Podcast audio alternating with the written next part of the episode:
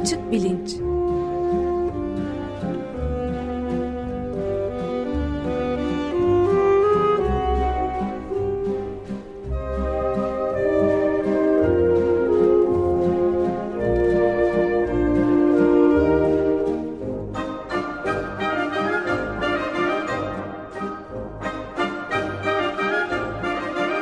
Güven Güzeldere ile bilim ve felsefe sohbetleri. Günaydın Güven Bey, merhabalar. Günaydın Ömer Bey. Günaydın. Ee, günaydın Özdeş. Evet, e, bugün e, konuğumuz yok. Birlikte e, frenoloji konuşuyoruz, öyle mi?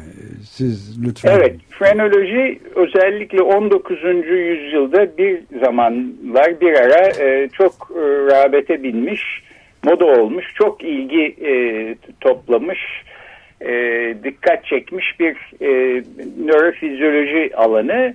Fakat daha sonra Türk sahte bilim e, yaftasıyla yaftalanarak bir kenara atılmış durumda. E, frenolojinin içinde aslında iki farklı tez var. Bir tanesi fizyolojiyle ilgili, öbürü psikolojiyle ilgili bir tez. Bu tezlerden fizyolojiyle ilgili olan lokalizasyon tezi aslında e, büyük ölçüde geçerliliğini bugün de koruyor. Fakat psikolojiyle ilgili olan tez e, yanlışlanmış durumda. Bir de zamanında frenolojinin e, çok hevesli destekçileri frenolojiyle işte böyle hani elinde bir çekiç olup her şeyi çivi gibi gören bir insan gibi her şeyi frenolojiyle açıklamaya kalkıp kültürden sosyolojiye kadar hepsi hakkında bir takım fikirler, e, akıllar yürütmeye e, çalıştıklarından sonra işte büyük bir bozguna uğradılar filan frenolojinin sonunu da getiren bu oldu. Yani 19. yüzyıl biliminden bir sayfa aslında e, bu hafta sunmak istiyorum e, bilim tarihinden. Fakat yalnızca bilim tarihinden bir sayfa olarak değil, bu başka konularla da e, özellikle bugünün siyasetine kadar gelen konularla da e, bağlantılı bir alan. E, örneğin kafatasçılık diye bilinen bir yaklaşım var. E, işte şimdi biraz ondan da konuşacağım. Frenoloji ile kafatasçılık aynı şey değil e, ama bir takım e, bağlantılara sahipler. E, frenoloji nedir? Aslında önce ondan başlayayım. Kafa bilim diye belki çevirmek mümkün. Bir bilim e, olmadığı malum. Dolayısıyla bu bilim ismini de o yüzden kullanmak istemiyorum.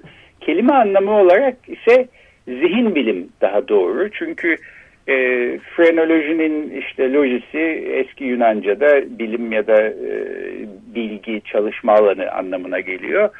Fren kısmı ise zihin. E, dolayısıyla belki zihin bilim demek gerek. E, fakat ben frenoloji olarak yani Türkçe'de öyle çevirerek kullanmaya devam edeceğim.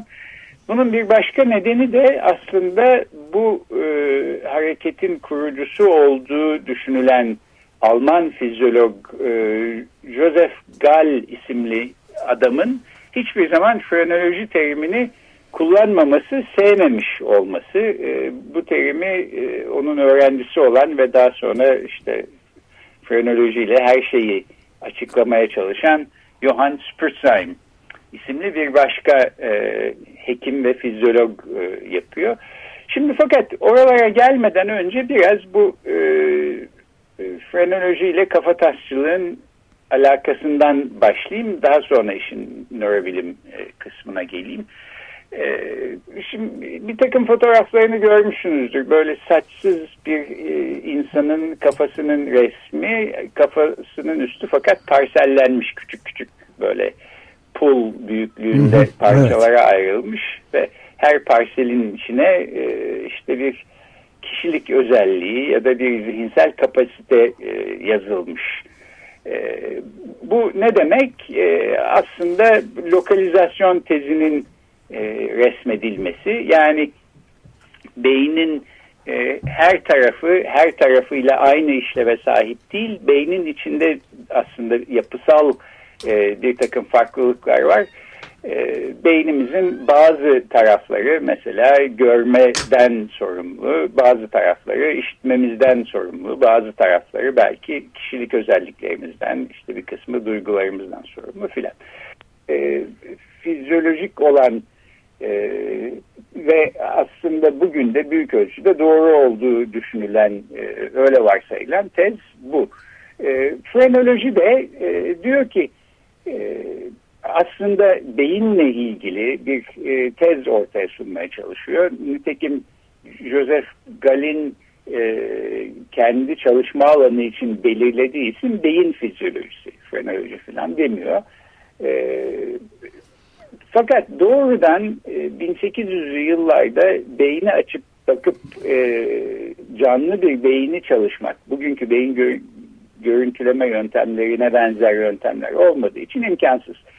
Dolayısıyla e, dolaylı bir şekilde çalışmaya e, gayret ediyorlar. E, Galin e, belki işte devrimci nitelikteki fikri şu, diyor ki kısmen doğuştan olan e, etkilerle, kısmen işte yetiştirmenin, eğitimin, kültürün etkisiyle e, beynimizin bazı kısımları diğer bazı kısımlarından e, daha çok gelişiyor. E, beynimizin daha çok gelişen kısımları ise kafatasımıza bir basınç uyguluyor içeriden. Çünkü insan yavrusu işte küçük yaştan itibaren büyürken e, hem beyninin e, boyu hem de kafatasının boyu büyüyor. E, ve kafatası bir şekilde beynin e, şekline göre bir biçim kazanıyor. Şimdi böyleyse yani kafatasının şekli eğer beynin e, hangi bölümlerinin hangilerinden daha baskın olduğunu bize gösteriyorsa, bunu yansıtıyorsa o zaman elimizde bir e, ölçüm aracı var demektir. Kafatasına bakarak beyinle ilgili bir şeyler söyleyebiliriz. Beyinle ilgili bir şeylerden de insanın psikolojisiyle ilgili bir şeyler söyleyebiliriz. Evet, pardon. Böylece, ben de bir de şey buyurun. soracağım. E, fizyolojinin belki dinleyicilerimiz arasında bu e, terime aşina olmayan vardır diye soruyorum. Yani daha çok fizik özelliklerle ilgilenen bir bölümü değil mi konunun? E, fizyoloji canlıların e, fiziksel özellikleriyle evet. e, ve bedenin çalışma mekanizmalarıyla ilgilenen bir alan. E, fizyoloji de 18. yüzyılda ve 19. yüzyılda büyük atılımlar yapıyor. En büyük devrimini o zaman gerçekleştiriyor. Zaten bu hareketin içinde yani fizyolojinin gelişiyor olması içinde nörofizyoloji de kendisine e, özel bir yer buluyor.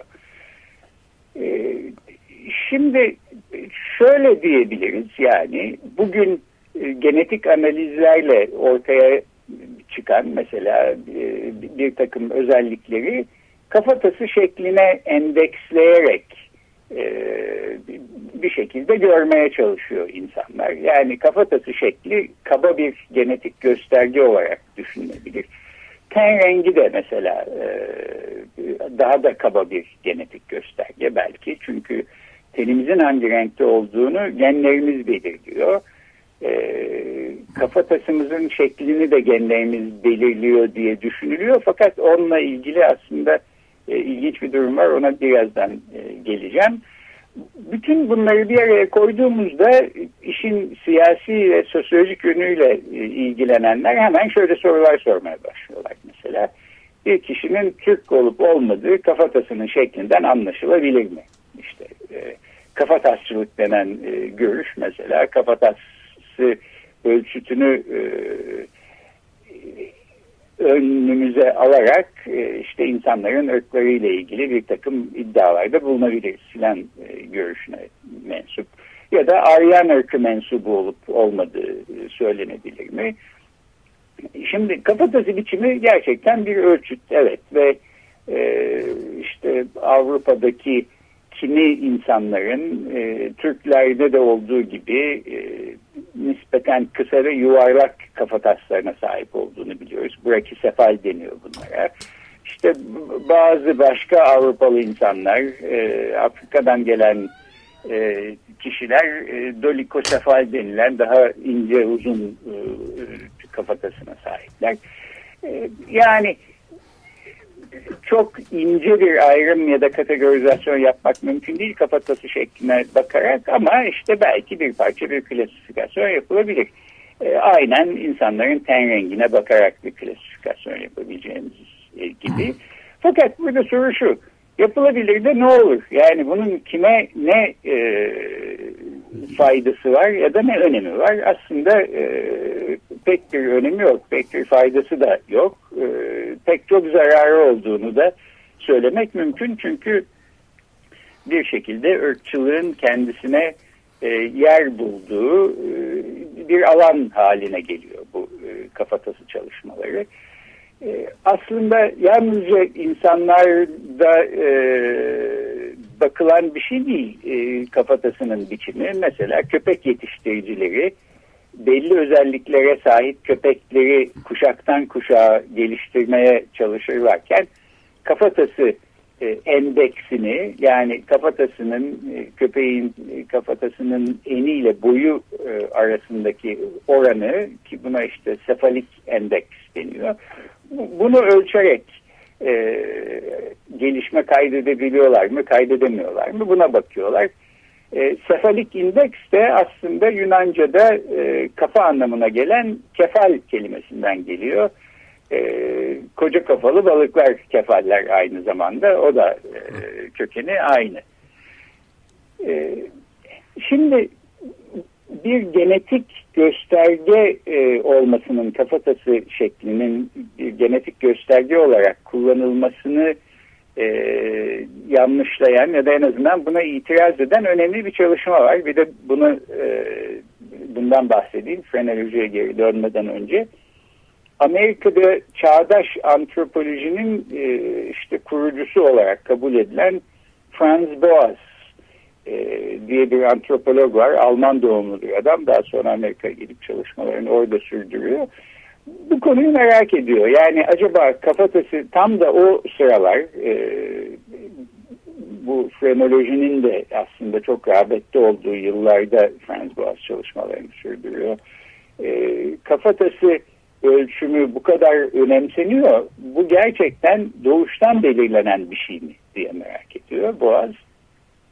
Ve bunu ölçmenin bir yolunu arıyor. Ee, şöyle bir yol buluyor. Amerika'ya o e, yıllarda 1900'lerin başından bahsediyoruz. Çok sayıda göçmen gelmekte Avrupa'dan. Ee, Boğaz bu göçmenlerin kafataslarını ölçüyor e, Amerika'ya ilk vardıkları zaman. Daha sonra bu göçmen e, aileleri takip ederek onların çocukları olduğu zaman onların çocukları üstünde kafatası ölçümleri yapıyor. Ve şunu gösteriyor, bu göçmenlerin çocuklarının kafatası ölçümleri göçmenlerin kendilerinin e, kafataslarından farklı. Yani e, kafatası şekli demek ki yalnızca doğuştan belirlenmiyor. Bir şekilde içinde bulunduğunuz kültürel ortam, ne yediğiniz, ne içtiğiniz, nasıl beslendiğiniz e, ve belki nasıl bir eğitim gördüğünüz de böyle bir fark yaratıyor. Dolayısıyla e, böyle taşa kazınmış İngilizce'de dendiği gibi söyleyeyim bir e, gösterge değil kafatası şekli. Bir kişinin Türk olup olmadığı kafatasından şeklinden kafatasının şeklinden anlaşılabilir mi sorusuna geri döneyim. E, öyle gözüküyor ki hayır anlaşılamaz. Çünkü aslında bırakın kafatasını e, en sofistike genetik analizlerden bile böyle bir şeyi anlamak mümkün değil. Bu da e, Türkiye'de yaşayan insanların e, genetik olarak son derece karman çorman bir genetik profile sahip olmalarından, e, yüzyıllar boyunca çok karışmış olmalarından kaynaklanıyor. Yani aynı soruyu ne bileyim işte iyi kötü hemen hiç karışmamış bir ada halkı olan Japonlar için sorsak evet belki onların e, kafatası şeklini ölçerek yalnızca ya da genetik analizlerden e, Japon olup olmadığını bir kişinin anlayabiliriz ama Türkler için bu e, mümkün değil. Ki mümkün olsa bile bunu bir daha söylemek istiyorum.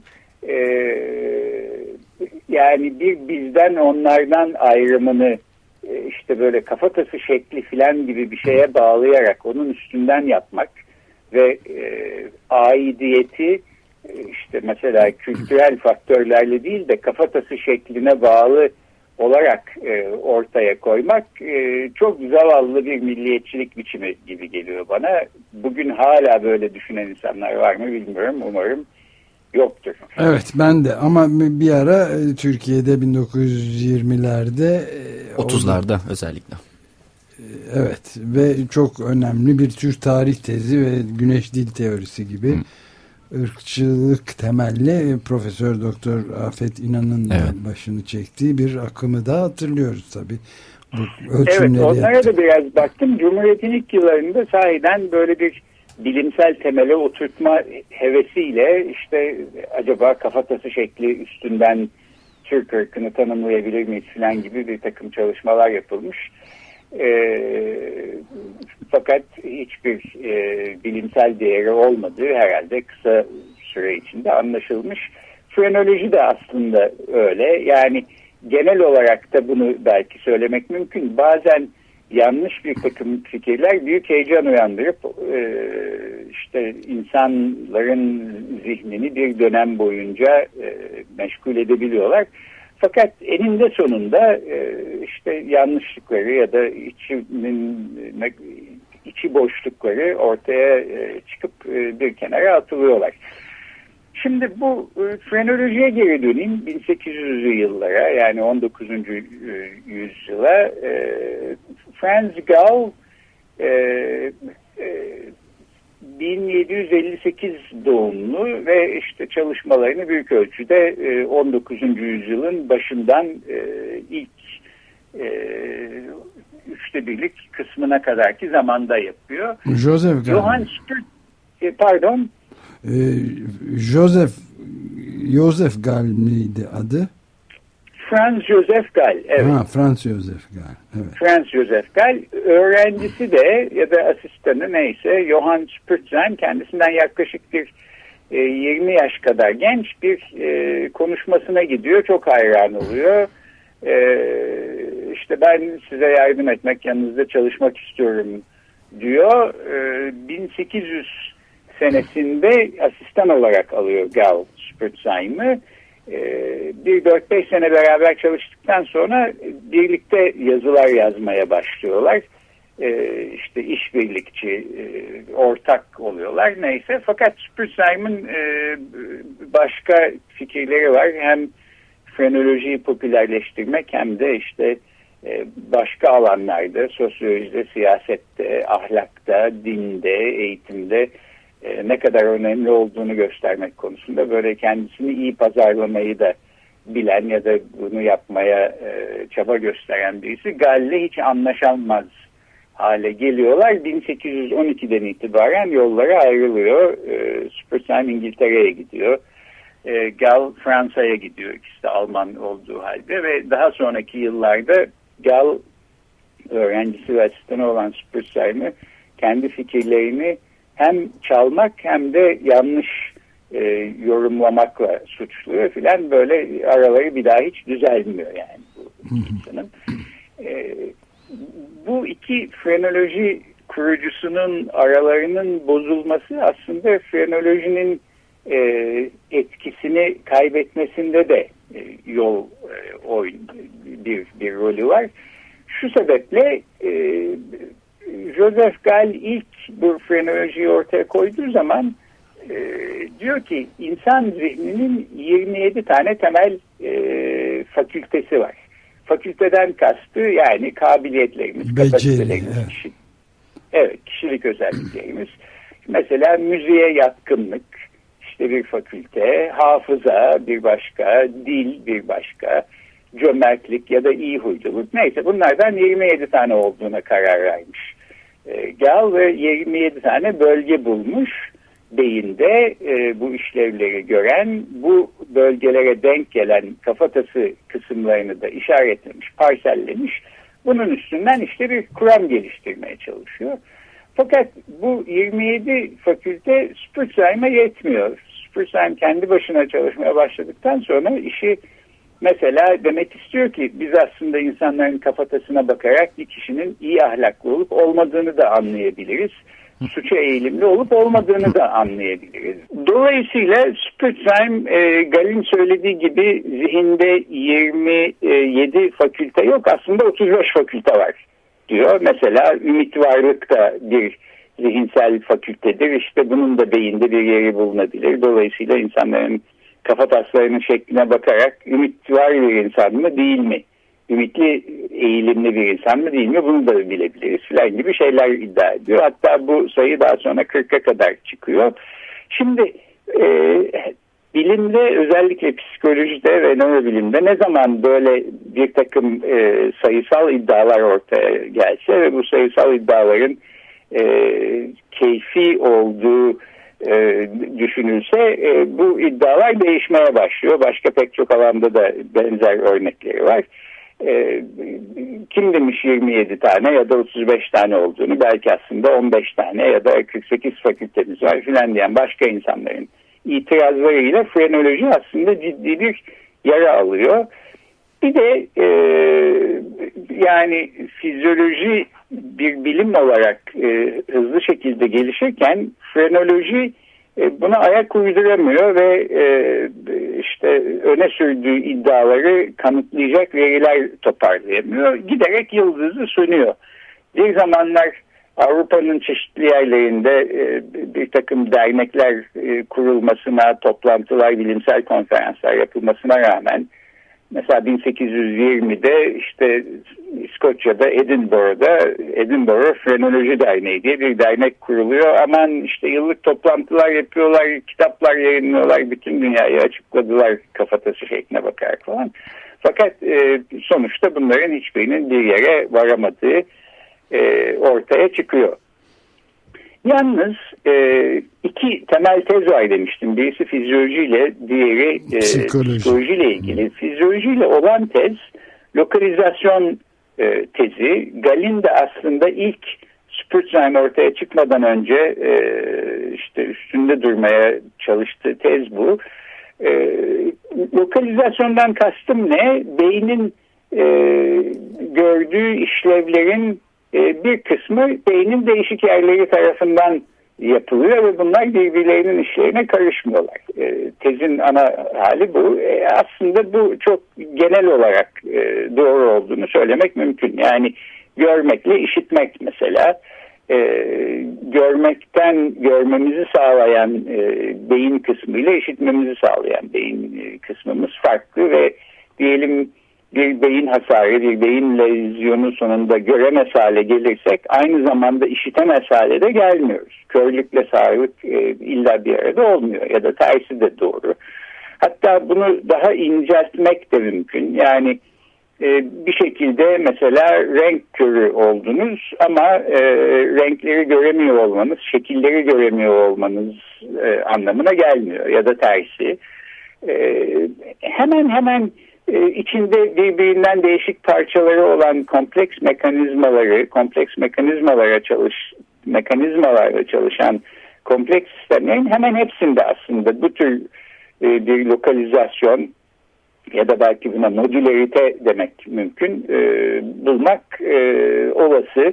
Yani otomobilinizin silecekleri çalışmaz hale gelebilir ama bu frenlerin tutmadığını göstermez ya da frenler tutmayınca işte otomobilinizin radyosu çalışması hale gelmiyor. E, çünkü bunlar değişik lokalizasyonlar, değişik modüller sayesinde e, değişik komponentleri kendi başlarına çalışabildikleri için böyle. Beyinde de böyle bir durum var. Nitekim fonksiyonel MR görüntüleme çok temel bir varsayım olarak bunu kullanıyor. görüntüleme deneylerinin çoğunda işte denek bir MR makinesinin içindeyken bilişsel bir şeyler yapıyor. Yani mesela ekranda bir e, noktanın hareketini izliyor. O nokta bir yere vardığı zaman elindeki bir düğmeye basıyor filan. Bütün bunlar olurken beyninde ne oluyor? Hangi taraflar, beynin hangi tarafları daha fazla faaliyet gösteriyor diye bakıyor beyin görüntüleme teknolojileri. Burada da temel varsayım aslında bir takım zihinsel işler yaparken değişik zihinsel işlerin değişik beyin faaliyetleri sayesinde ortaya çıktı ve işte beynin mekanizmaları bu şekilde çözülmeye çalışıyor. Dolayısıyla frenolojinin e, ortaya attığı bu lokalizasyon tezi aslında bugün de geçerliliğini koruyor büyük ölçüde. Fakat buradan e, fizyolojiden psikolojiye, oradan da işte sosyolojiye, siyasete varan işi bir şekilde ırkçılık e, kadar götüren e, kafatasının şeklinden işte bir insanın iyi ahlaklı olup olmadığını, suç eğilimli olup olmadığını filan e, anlama iddialarında bulunan e, tezi e, frenolojinin tamamıyla çökmüş durumda. Zaten şunu görüyoruz, e, o zamanlar yani 19. yüzyılda insanları kategorize etmede nesnel bir ölçüt sağlayacağı e, düşünülüyor frenolojinin. İşte bakın bilimsel bir endeks bulduk filan diye insanlar heyecanlanıyorlar. Fakat bugün bakınca görüyoruz ki aslında tabii öyle dışarıdan nesnel bir ölçüt sağlanmamış. Tam tersi o devrin ön yargılarının desteklenmesine sağlayan bir araç olarak kullanılmış e, frenoloji.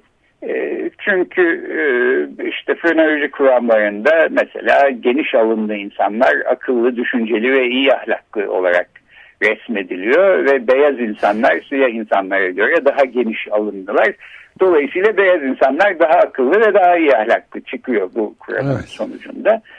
Ee, ama bunların hiçbirinin inanılır bir tarafının kalmamış olduğu artık tamamıyla tesis edilmiş durumda. Hatta şunla bitireyim. Burada genel olarak bilimin ilerlemesiyle ilgili de bir takım dersler var diye düşünüyorum.